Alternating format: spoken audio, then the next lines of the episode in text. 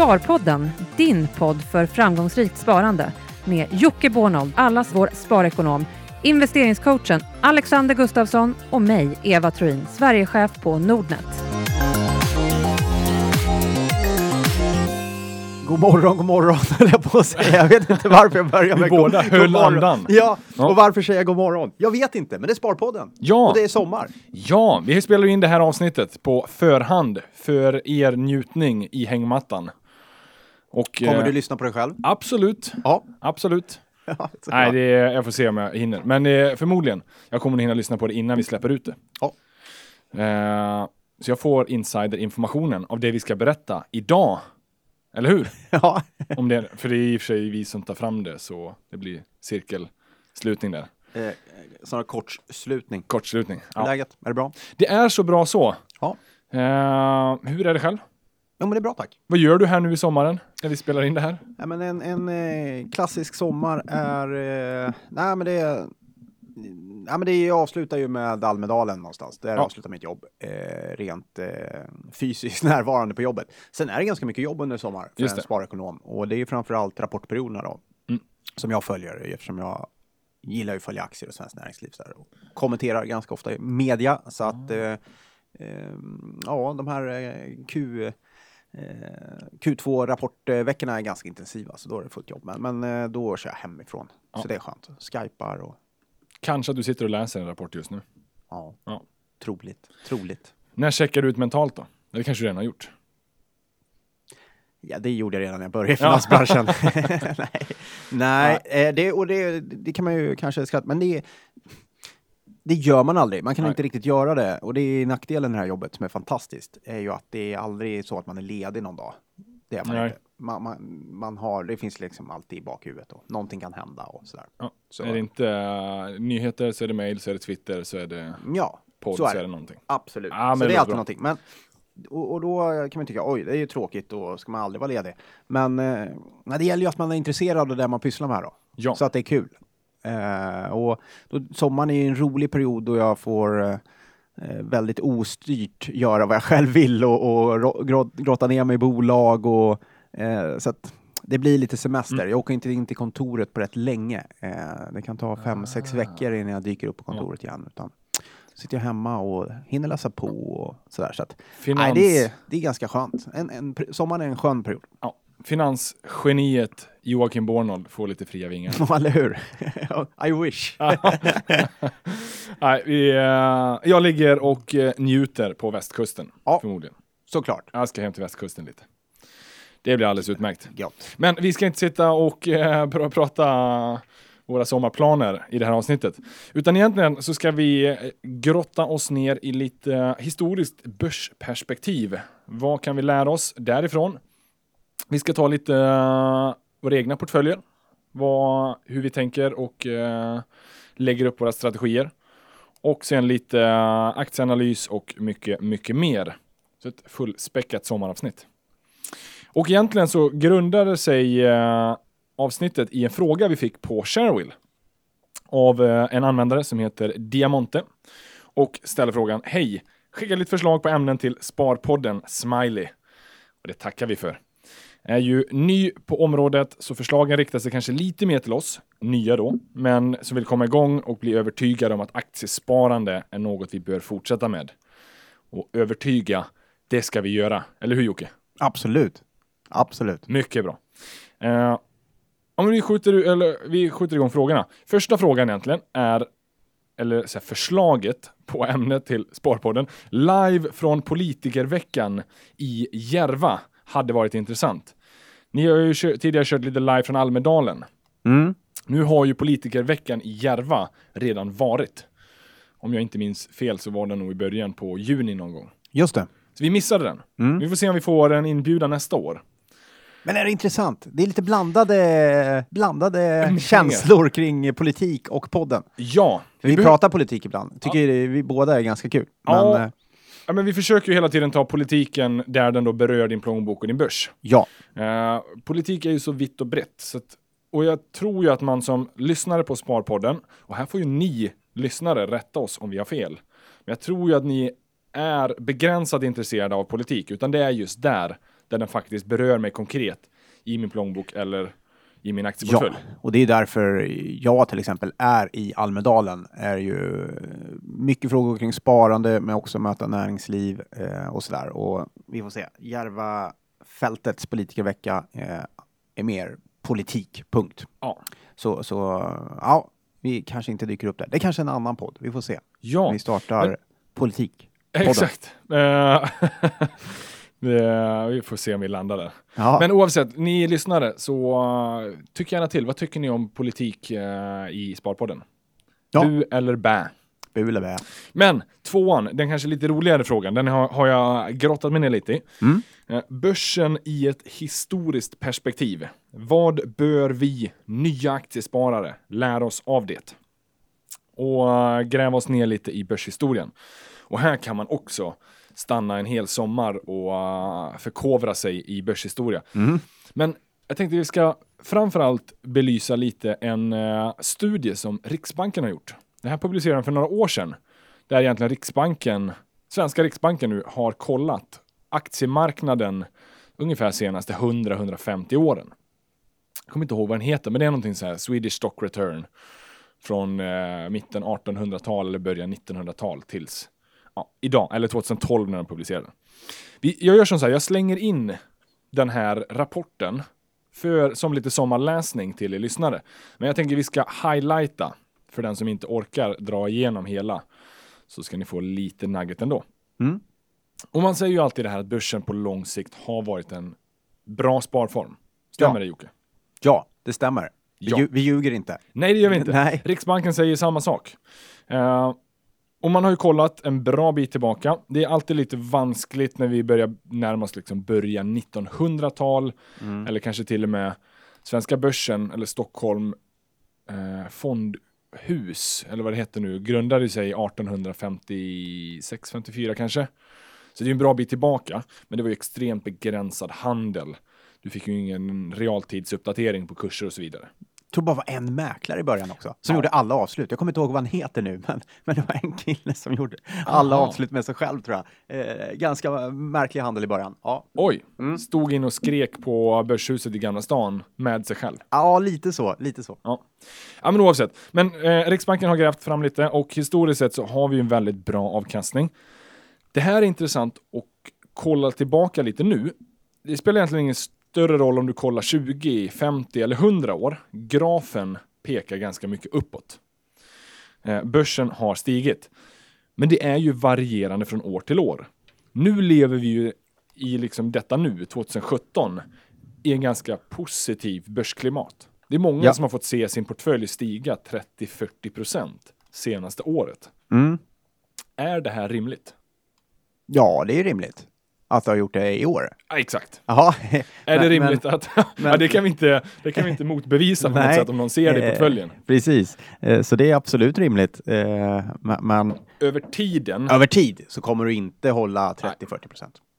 nej, utan Det finns en kille på nätet faktiskt som hävdar att han gör 21 procent per år i avkastning på sin PPM-portfölj och tar 1500 kronor per år för att du ska få reda på vad han gör. Ah. Blir du sugen? eh, tveksamt. Jag också. Faktiskt. Mycket tveksamt. Eh, helt bisarrt att han får fortsätta. Men eh, Men med, med det sagt, det finns de som slår börsen, Mm. absolut.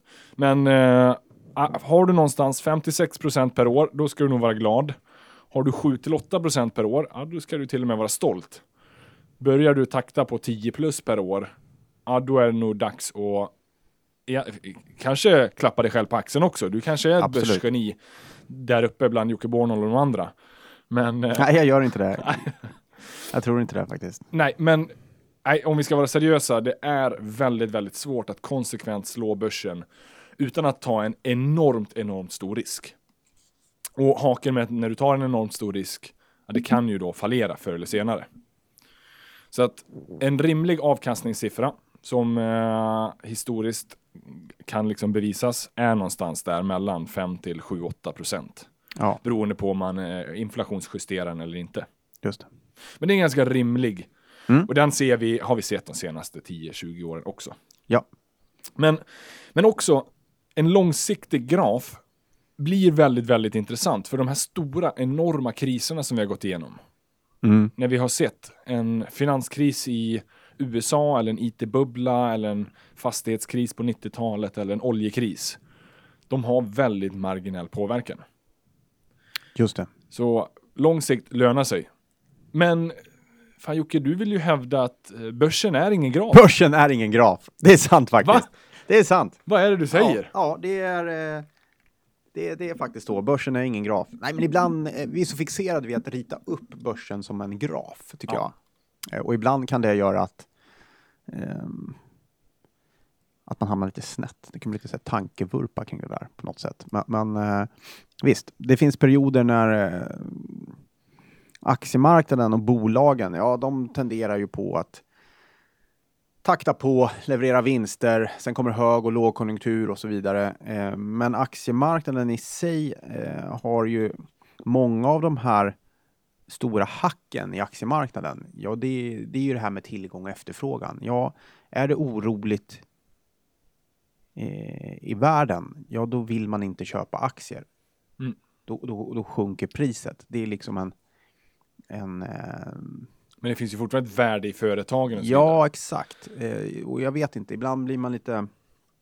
Man stirrar sig blind på det här. Kan börsen klättra vidare? Den är på all time high. Den är på... Ja. Och det är den här grafen hela tiden som går hela tiden uppåt, uppåt, uppåt. Och när ska det sluta? Är en sån vanlig. Kan den fortsätta för evigt? Bara, ja, den kan fortsätta för evigt. Det, Ja. är, det är kapitalism. Eh, den, de inte tjänar mer pengar på att äga bolag och driva bolag än att ha pengarna på banken, då har vi dem på banken. Det är Ja. liksom punkt. Eh, så ibland tycker jag att nej, det är trevligt med grafer och det är roligt att eh, visa på eh, hur bra det går och så vidare. Men som sagt, börsen är ingen graf. Liksom. Det, det, det, Ja, men ett sånt enkelt exempel som indexet OMXS30. Den Mm. är ju en väldigt, väldigt beskådat index. Det är den många refererar till som svenska börsen mm. och så vidare. Men det består ju bara av de 30 mest handlade. Ja, så är det Så det är ju långt Absolut. ifrån hela aktiemarknaden. Ja. Och sen Absolut. som sagt, aktiens pris, det är den vi handlar med. Men aktiens värde, vad är bolaget? Vad är varumärket värt? Vad är kunderna? Vad är fysiska varorna eller tjänsterna man tar fram? Ja. Det är någonting helt annat. Mm. Och bara för att vi har en historisk graf så är inte den någon sätt att prognostisera framtiden i alla lägen. Utan, Så är det ju också förstås. Ja.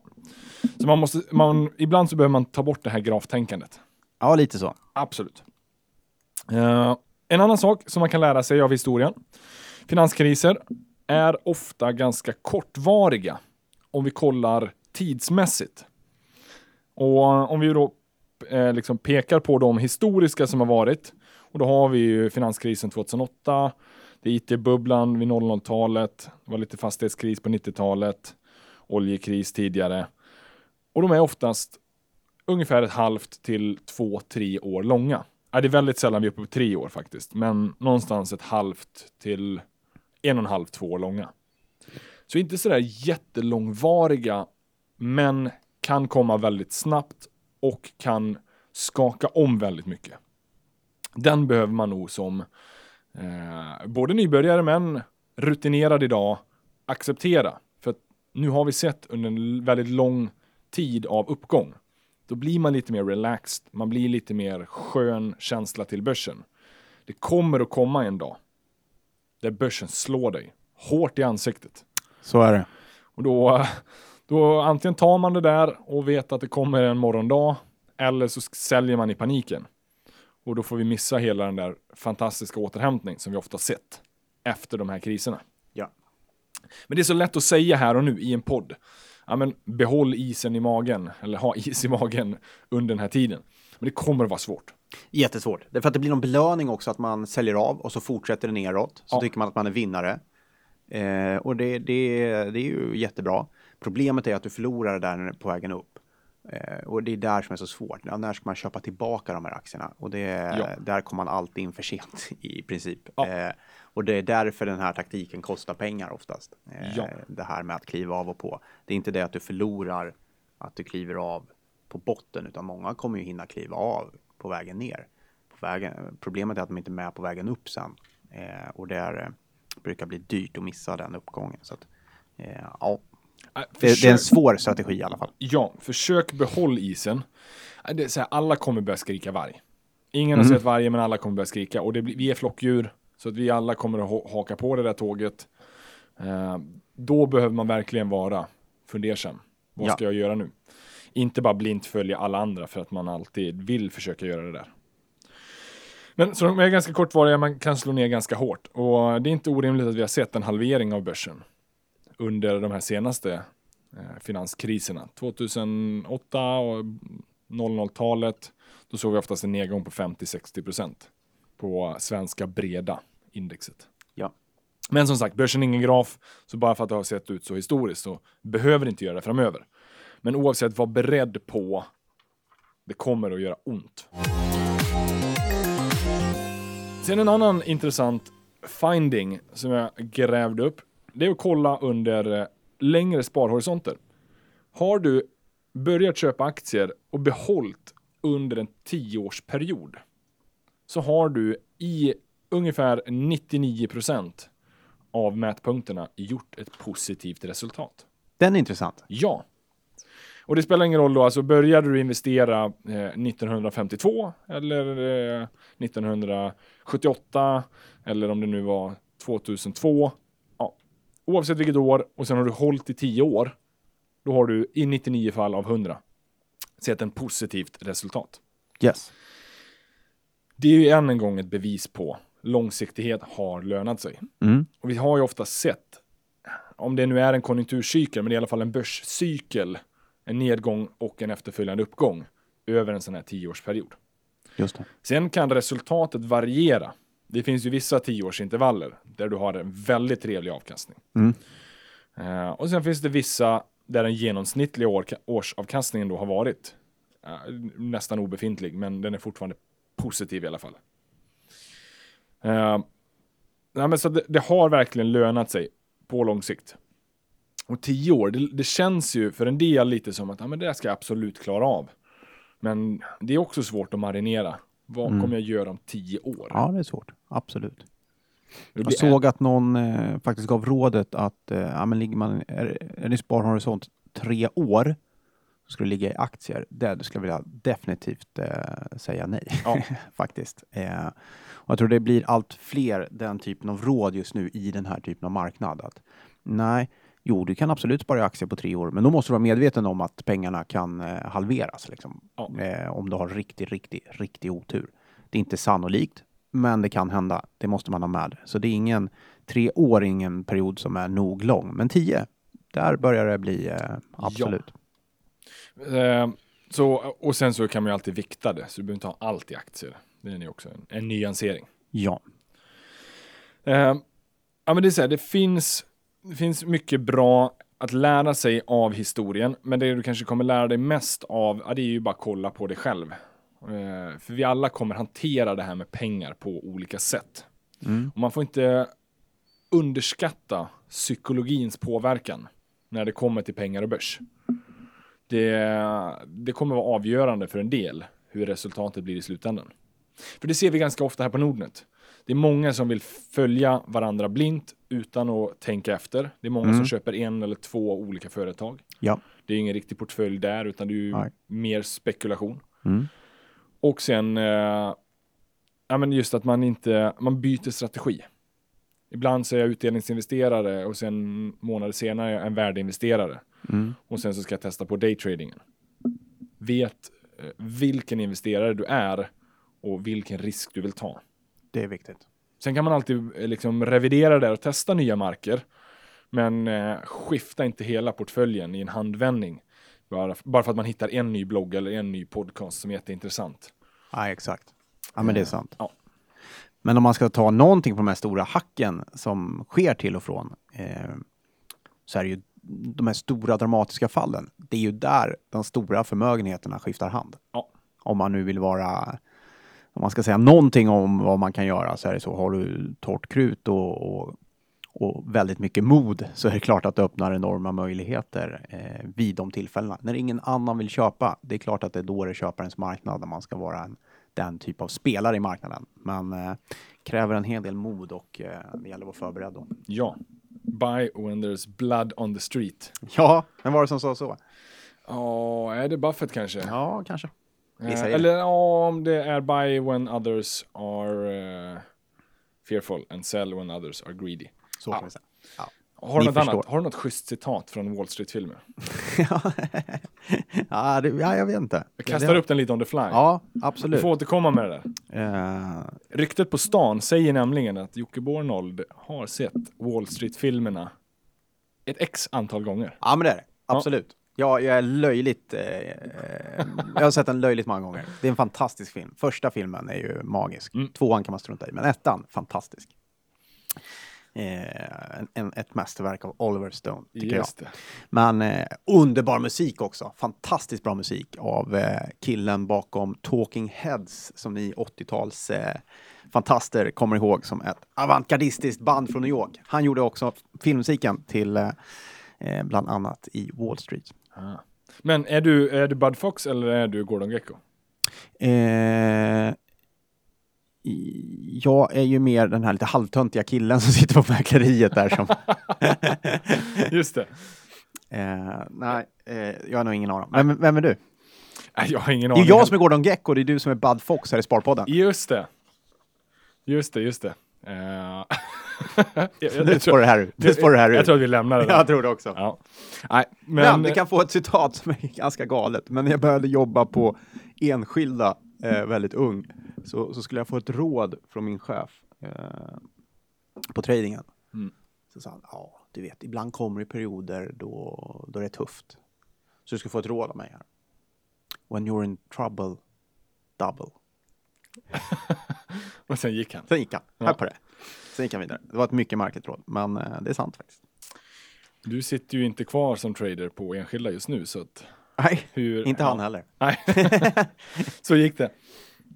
Man kan lära sig mycket av eh, historien. Mm. Eh, hoppas det har väl övertygat lite. Sen en, en tredje fråga som vi fick. Det var olika branscher som har olika risk. Vilka är högriskbranscher och vilka är lågriskbranscher? Dela gärna lite tankar där. Mm.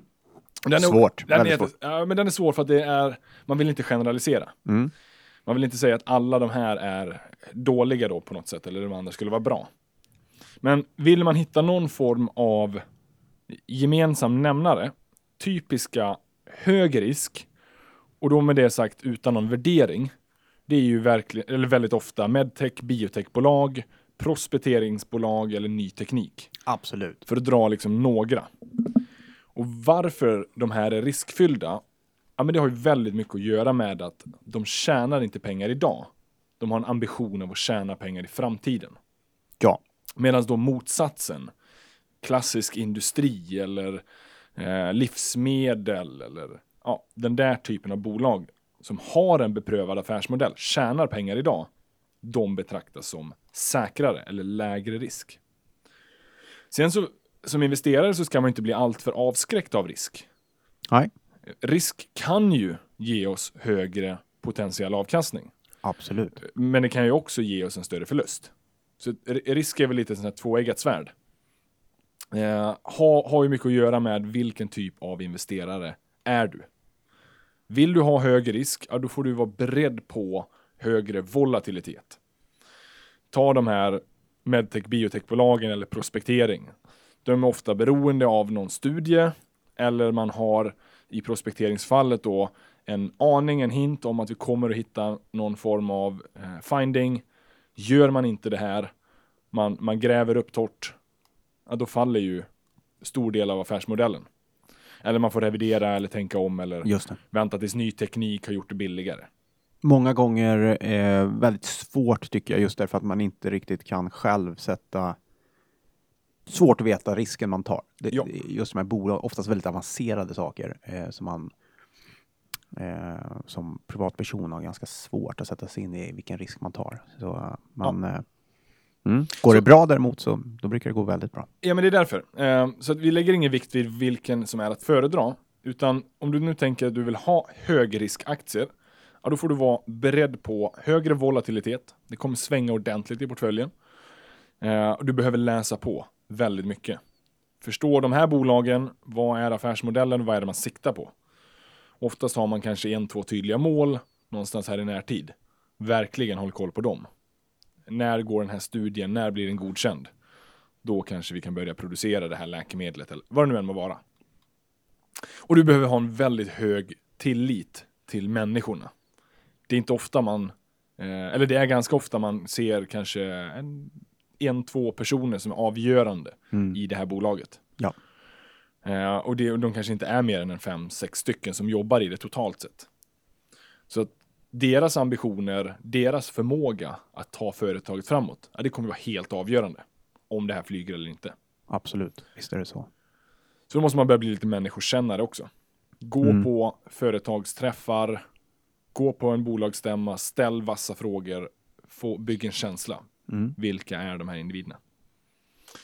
Vill du då ha lite mindre risk? Ja, då får du leta de här stora, välkända varumärken. Har oftast funnits under en lång tid, har sina beprövade affärsmodeller, intäkter som taktar på. Ja. Ganska sällan man ser enorm innovation. Pågår givetvis förädling och förbättring. Men det är inte den här i en handvändning. Nu gör vi någonting helt nytt och hoppas att vi eh, dubblar eller tripplar oss. Utan man är ju mer defensiv, man vill försvara det man har. Och det kan ju då göra att man blir, man behöver vara, se upp för ny teknik som dyker upp, Ja, som kan konkurrera ut. här tror jag du har lite nyckeln. Och jag tror att det där kan gå så otroligt fort när det väl Ja. händer. Eh, och eh, det, det är, eh, känns som det händer mycket nu. Ja. Kring många industrigrenar, kring eh, många olika typer av bolag där det gäller att ha koll tror jag. Och det gäller att fortsätta sprida riskerna. Eh, för det händer jättemycket. Eh, det pratas om digitalisering och allt. Jo, absolut. Eh, vi kan se Hennes Mauritz till exempel. Ja, vi får se hur de lyckas, men de möter en annan värld nu när allt mer går mot e-handel. Eh, och då är det ju så här att ja, den gamla affärsmodellen kanske inte funkar längre. Nej. Och, och då, då ehm, är det en helt ny spelplan man ska vara på. Så att kolla, ett- om du ska ha tips då till dig om man är lite nybörjare i aktiemarknaden och jag, även vi som har hållit på länge i aktiemarknaden tenderar att lägga alldeles för stor vikt vid historik. Det är viktigt att titta på historiken och se hur bolaget har skött sig och hur det har gått, men du måste också hela tiden ta in vilken framtid bolaget möter. Mm. Och ibland blir det så här, och jag tycker många har gjort det med H&M nu. Jag vet inte, H&M kanske kommer lyckas fantastiskt bra. Jag har ingen aning, men man kan inte stirra sig blind på hur H&M har presterat under 50 år och lägga den prestationen 50 år framåt och, och säga att här, så här kommer det gå. Det funkar inte så.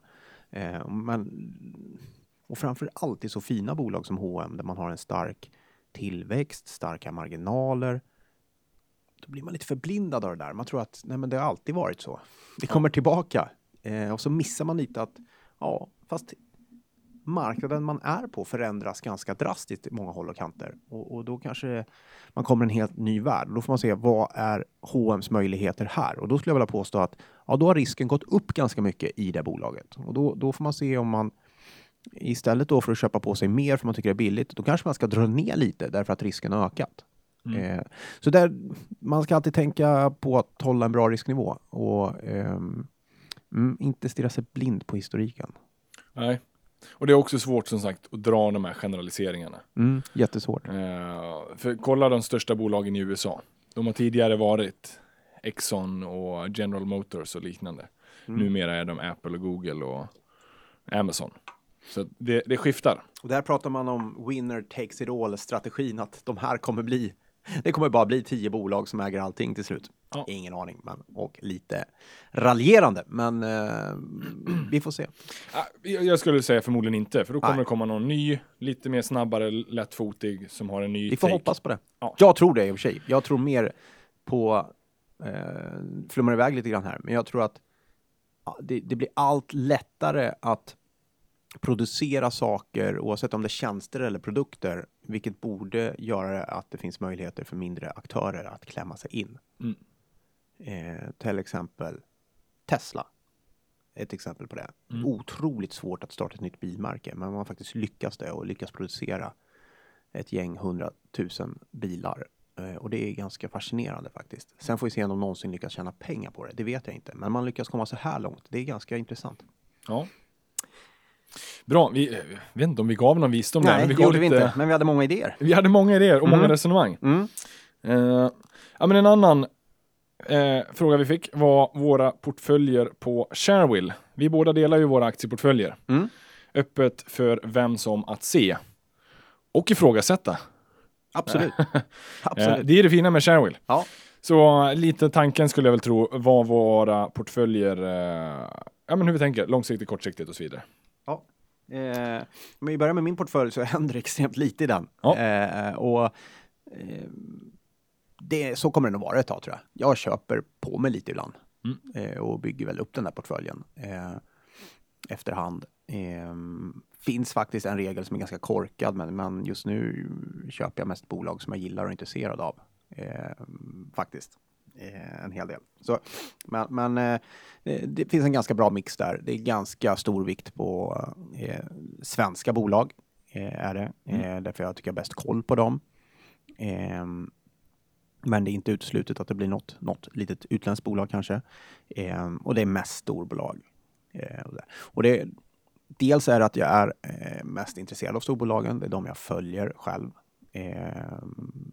Så det, det gör det mest intressant. Men sen är det också så att det blir lite knepigt när jag går in i ett mindre bolag. Jag känna att man kanske påverkar det och sen Ja. ska jag grejen är kanske inte påverkar att man ser på Shareville att jag går in i det här lilla bolaget, men det blir knepigt eh, om jag också kommenterar i media om det är ett litet bolag som jag själv äger. Ja, Jag du har tror en liten inte- speciell situation där så. Ja, precis. Så jag tror inte att jag påverkar Volvos aktiekurs. Det, det tror jag inte, liksom, om jag har en kommentar kring Volvo. Men ett litet bolag, det, Ja. det har ju hänt ett antal gånger att en artikel har påverkat kursen. Då vore det knepigt om jag också ägde det bolaget och sådär. Så då måste jag undvika att prata om det och, och lite sådär. Så att, eh, det blir mest storbolag. Ja, men du handlar inte så ofta. Vad är tanken Eh, där? Nej, jag, jag, jag är en samlare av aktier. Ja. jag. jag är en samlare. Jag, ehm, Jag älskar det begreppet. Ja, Det, det är ju så här klassiskt, de, de lite äldre som har samlat på aktier. ja. Det borde vara fler som Jag är lite samla. äldre. Jag Ja. är lite old school. Men jag samlar på aktier. Ja. Jag gör verkligen det. Jag, jag ser det nog lite så också. Jag tycker det är kul och så hittar jag något nytt bolag och köper på mig lite där. Eh, men jag är en aktiesamlare. Jag, jag tycker det är kul att samla på mig.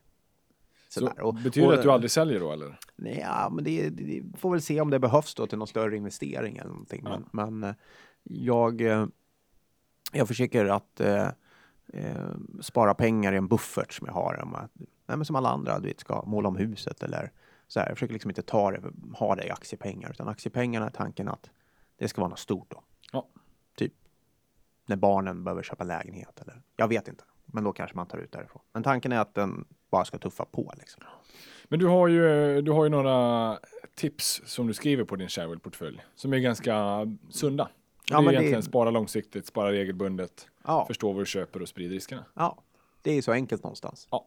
Jag har inga, eh, inga, schyssta tradingtips eh, direkt sådär, utan eh, nej. Nej. Jag samlar aktier. Jag, jag köper bolag jag gillar eh, och gillar de inte längre så åker de ut och så köper jag någonting annat. Det, det, det, så det är inte så, det är väldigt okomplicerat. Ja. Kanske har några få innehav just nu. Jag borde eh, utöka lite grann. Men ingenting utländskt. Varför?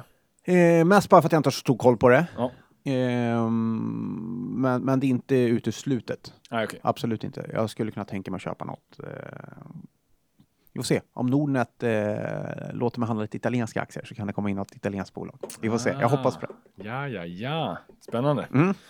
Eh, ja, men min portfölj då. Vi, så här, vi båda, vi lider ju av, jag tänkte säga förbannelse, men det är inte, men vi lider ju av den här 30-dagars regeln. Så vi Ja. kan ju inte, vi kan inte trada heller. Nej. Så det är lite därför. Eh, men sen vill vi ju inte heller göra det, utan långsiktigt. Hade vi- jag inte haft den hade jag gjort mer optionsaffärer. Jag Ja. gör inga derivataffärer idag i min portfölj, men där finns det ett litet moment som jag eh, ehm, hade jobbat mer aktivt i min portfölj om jag inte hade varit eh, anställd med 30 dagars regel. Så Mm. det. Går ju att göra optionsaffärer över 30 dagar. Det gör det, absolut. Ja. Men jag vill ha den, om jag ska göra det vill jag ha friheten att kunna agera eh, på kortare Ja, just det. tid. Jag, jag vill kunna stänga positionerna eh, om jag öppnar upp dem. Ja. Det låter väl rimligt. Ja. Eh, Min portfölj är också egentligen överlag väldigt enkel. Jag gillar investmentbolag kraftigt. Hur stor andel investmentbolag har du i din portfölj? Jag skulle nog säga att totala portföljen så är det 80 procent. Ja. 85 kanske till och med. Mm. Och det är egentligen så enkelt som att jag har alla investmentbolagen och så jag har dem lika viktade. Ja. Och uh, vi har väl en 16-17 kanske investmentbolag i Sverige. Mm. Det är företag som investerar i andra företag. Så jag får ju en enorm riskspridning därigenom. Mm. En del kanske skulle hävda för stor riskspridning. Men min take är ju snarare att de här är experter på det de gör. De har näsan i börsen hela dagarna. Eh, och jag vill ge det lika viktat. Så att mindre bolag som Svolder Traction får lika mycket utrymme som Investor i industrivärlden. Eh, och egentligen inte så mycket för att jag tror mer eller mindre på de andra, men det blir så vanligt att man viktar saker efter eh, börsvärde. Mm. Och som vi sa tidigare, eh, börsen är ingen graf. Så eh, jag, jag kör dem lika viktade. Så blir det enkelt också att följa upp. Hur ofta viktar du om? Jag brukar inte sälja av för att Nej. vikta om, men däremot så handlar jag ungefär en till två gånger i månaden. Okej, så då fyller du på där. eh, Ja, och väldigt ofta där det har gått sämst då eller minst bra. Mm. Ja. Och det innebär ju oftast att vi får en substansrabatt i de här investmentbolagen. Och en substansrabatt innebär ju enkelt då att priset på aktien är lägre än värdet, alltså företagen som investmentbolagen har investerat i. Så jag kan betala en 80-lapp och kanske få någonting värt 100. 20% substansrabatt. Mm. Eh, så det är ju förhoppningen då, eller det är de jag handlar i som har en, en större rabatt. Sen betyder inte det alltid att det är bättre. Rabatten kan ju vara av en anledning. Det kan vara så att det går dåligt för företaget. Så man kan inte göra det så förenklat för sig heller. Men, eh, men det är övergripande strategin. Just det. Sen har jag lite guld och silver ETFer. Okej. Ja. Här- har vi nog lite delade meningar kanske. Ja, ja. Eh, och det är i Jag hade ju stort- aldrig investerat i guld, kan jag säga. aldrig med silver. Har du investerat i silver? Nej, inte silver heller. Nej. Ehm, nej, det kommer jag nog aldrig göra. Min, min tanke, jag förstår ju dig. Det är så här, du har ju inget intrinsic value. Nej, precis. Du Det- kan inte få en utdelning från guldet. Nej, och ett kilo guld, Det förblir ett kilo guld. det förblir ett kilo guld. Men det är det jag vill ha det till. Ja, jag förstår Det är det. därför jag har den i ungefär 5% Mm. av portföljen. Och det är bara som direkt motpol från aktiemarknaden. Ja. Och jag har börjat plocka in det här mer och mer på senare tid Mm. just för att, ja men, ur liksom ett historiskt perspektiv så börsen går upp och ner. Nu har den gått upp väldigt lång tid. Ja. Förr eller senare går den ner. Mm. Då vill jag ha en motvals. Mm. Eh, men, men sen, jag är inte någon sån här gold eh, bug som eh, gräver ner mig med krut och konserver nu. Nej. Utan eh, mest bara som riskspridning. Ja. Så du har inte fysiskt guld eh, som Nej. du har grävt ner någonstans i skogen?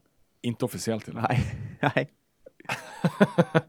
Se om det är någon Sparpodden-lyssnare som kommer stalka mig nu, se om de hittar mitt guld. Om jag nu har något guld.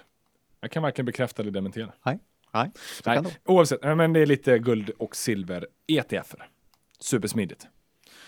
Eh, och sen så kan det vara lite så här mindre high risk case. Eh, så. Men, men det är, sen gör jag några optionsaffärer också. Mm. Men det är ju som sagt med 30 dagars begränsning. Just det. Så indexoptioner, Mm. mest för att de inte går till lösen under tiden. Mm.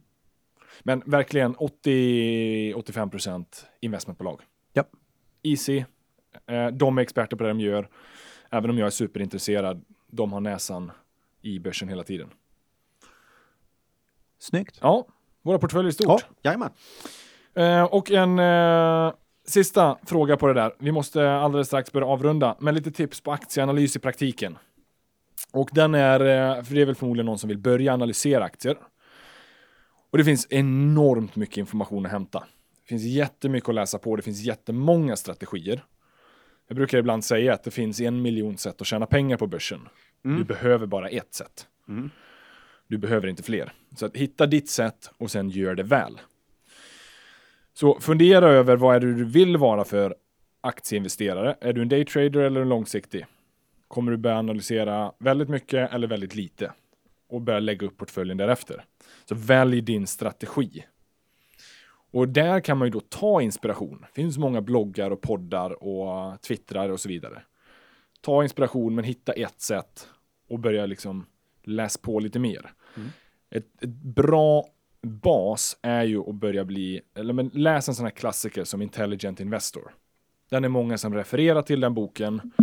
Benjamin Graham har lagt mycket eh, grundkunskapen för det vi idag kallar fundamental analys. Och där ingår det dessutom tydliga regler. Den skulle jag säga är en, ett bra sätt att börja med aktieanalys. Bygg din, din liksom checklist. Eller bygg din strategi. Det är de här parametrarna jag kollar på. Jag köper bara bolag som har P under det här. Eller eh, omsättning över det där. Och så vidare och så vidare. För då blir det lättare för dig att förhålla dig till dina regler och sen följa upp. Ja. Ett halvår senare. Varför köpte jag dem? Jo, för att de befann sig med de här parametrarna. Så alltså om vi går bakvägen, bygg din strategi. Första steget. Vad är det du kollar på? I punktform och sen börja praktisera. Ehm, så Intelligent Investor. Sen vill jag slå ett litet slag för den här bloggaren, Lundaluppen. Mm. Har en väldigt schysst aktieskola Just på det. sin blogg. Så det är egentligen bara googla Lundaluppen analysskola. Där får du ett sånt tydligt exempel. Hur man nu, vilka punkter kan vara intressanta att kolla på och hur man besvarar dem. Mm. Har du någonting mer på aktieanalys? Nej, pröva dig fram och hitta ett sätt som du gillar och som Ja. funkar för dig. Absolut. Som sagt, det finns en miljon sätt och lite till att tjäna pengar. Du behöver bara ett sätt. Hitta det. Bra Jocke. Eh, det är ju Sparpodden ändå. Det är sommaravsnitt. Ja, Vi måste ju avsluta med lite eh, sparkunskap. Eller spartips, mm. om man ska säga så. Har du ett bra spartips? Och det är högt eller lågt. Det kan vara tid eller pengar eller spara in vänskap eller bananer.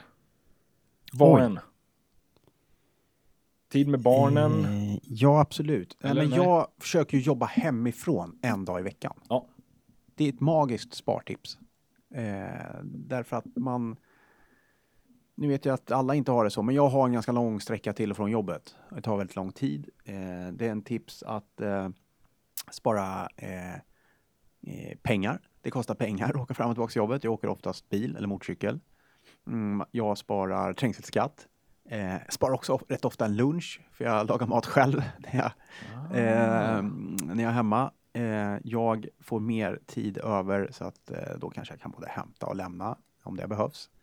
Eh, jag får mer gjort.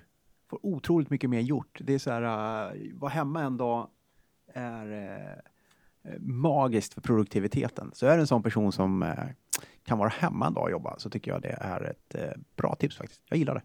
Snyggt. Mm.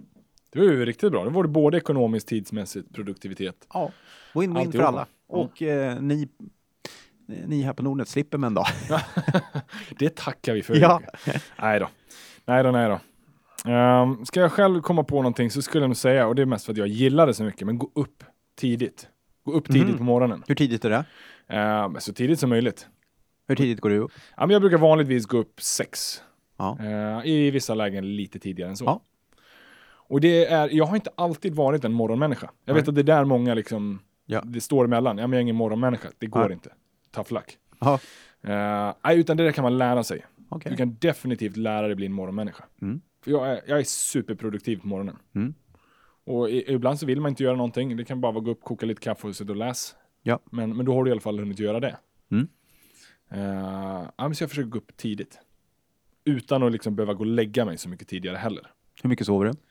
Ja, det är max sju timmar. Mm. Helst lite mindre. Mm. Produktivitet även där. Mm. Viktigt. Absolut. Eh, men det sparar inte så mycket pengar dock.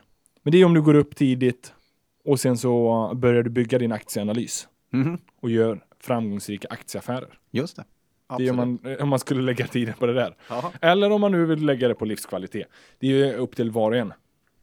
Ehm, nu vill jag inte dra slutsatsen där bara för att jag går upp tidigt, men jag har för mig att det är någon som har skrivit någonstans att många av de här genierna, de har varit morgonmänniskor. Einstein och, och så vidare. Jag kom bara på Einstein nu. Men Jocke Mm. Bornald kanske. Ja. Nej. Vad säger vi? Är det här Sparpodden sommaravsnitt? så är det. Det var otroligt kul att ha er med den här veckan. Vi är ju Jajamän. tillbaka nästa vecka som vanligt. Absolut. Eh, hela sommaren lång. Vi eh, hoppas att ni har fantastiskt kul. Om ni är i Sverige, njuter av svensk sommar eller om ni befinner er på någon annan plats. Njut av livet. Ja, det finns bara ett. Ja, vi gör det. Ja, det det är gör det. viktigare än börsen. Jajamän. Alla dagar i veckan. Absolut. Ha det otroligt bra. Ha Vi det bra. hörs. Hej. Ciao, ciao.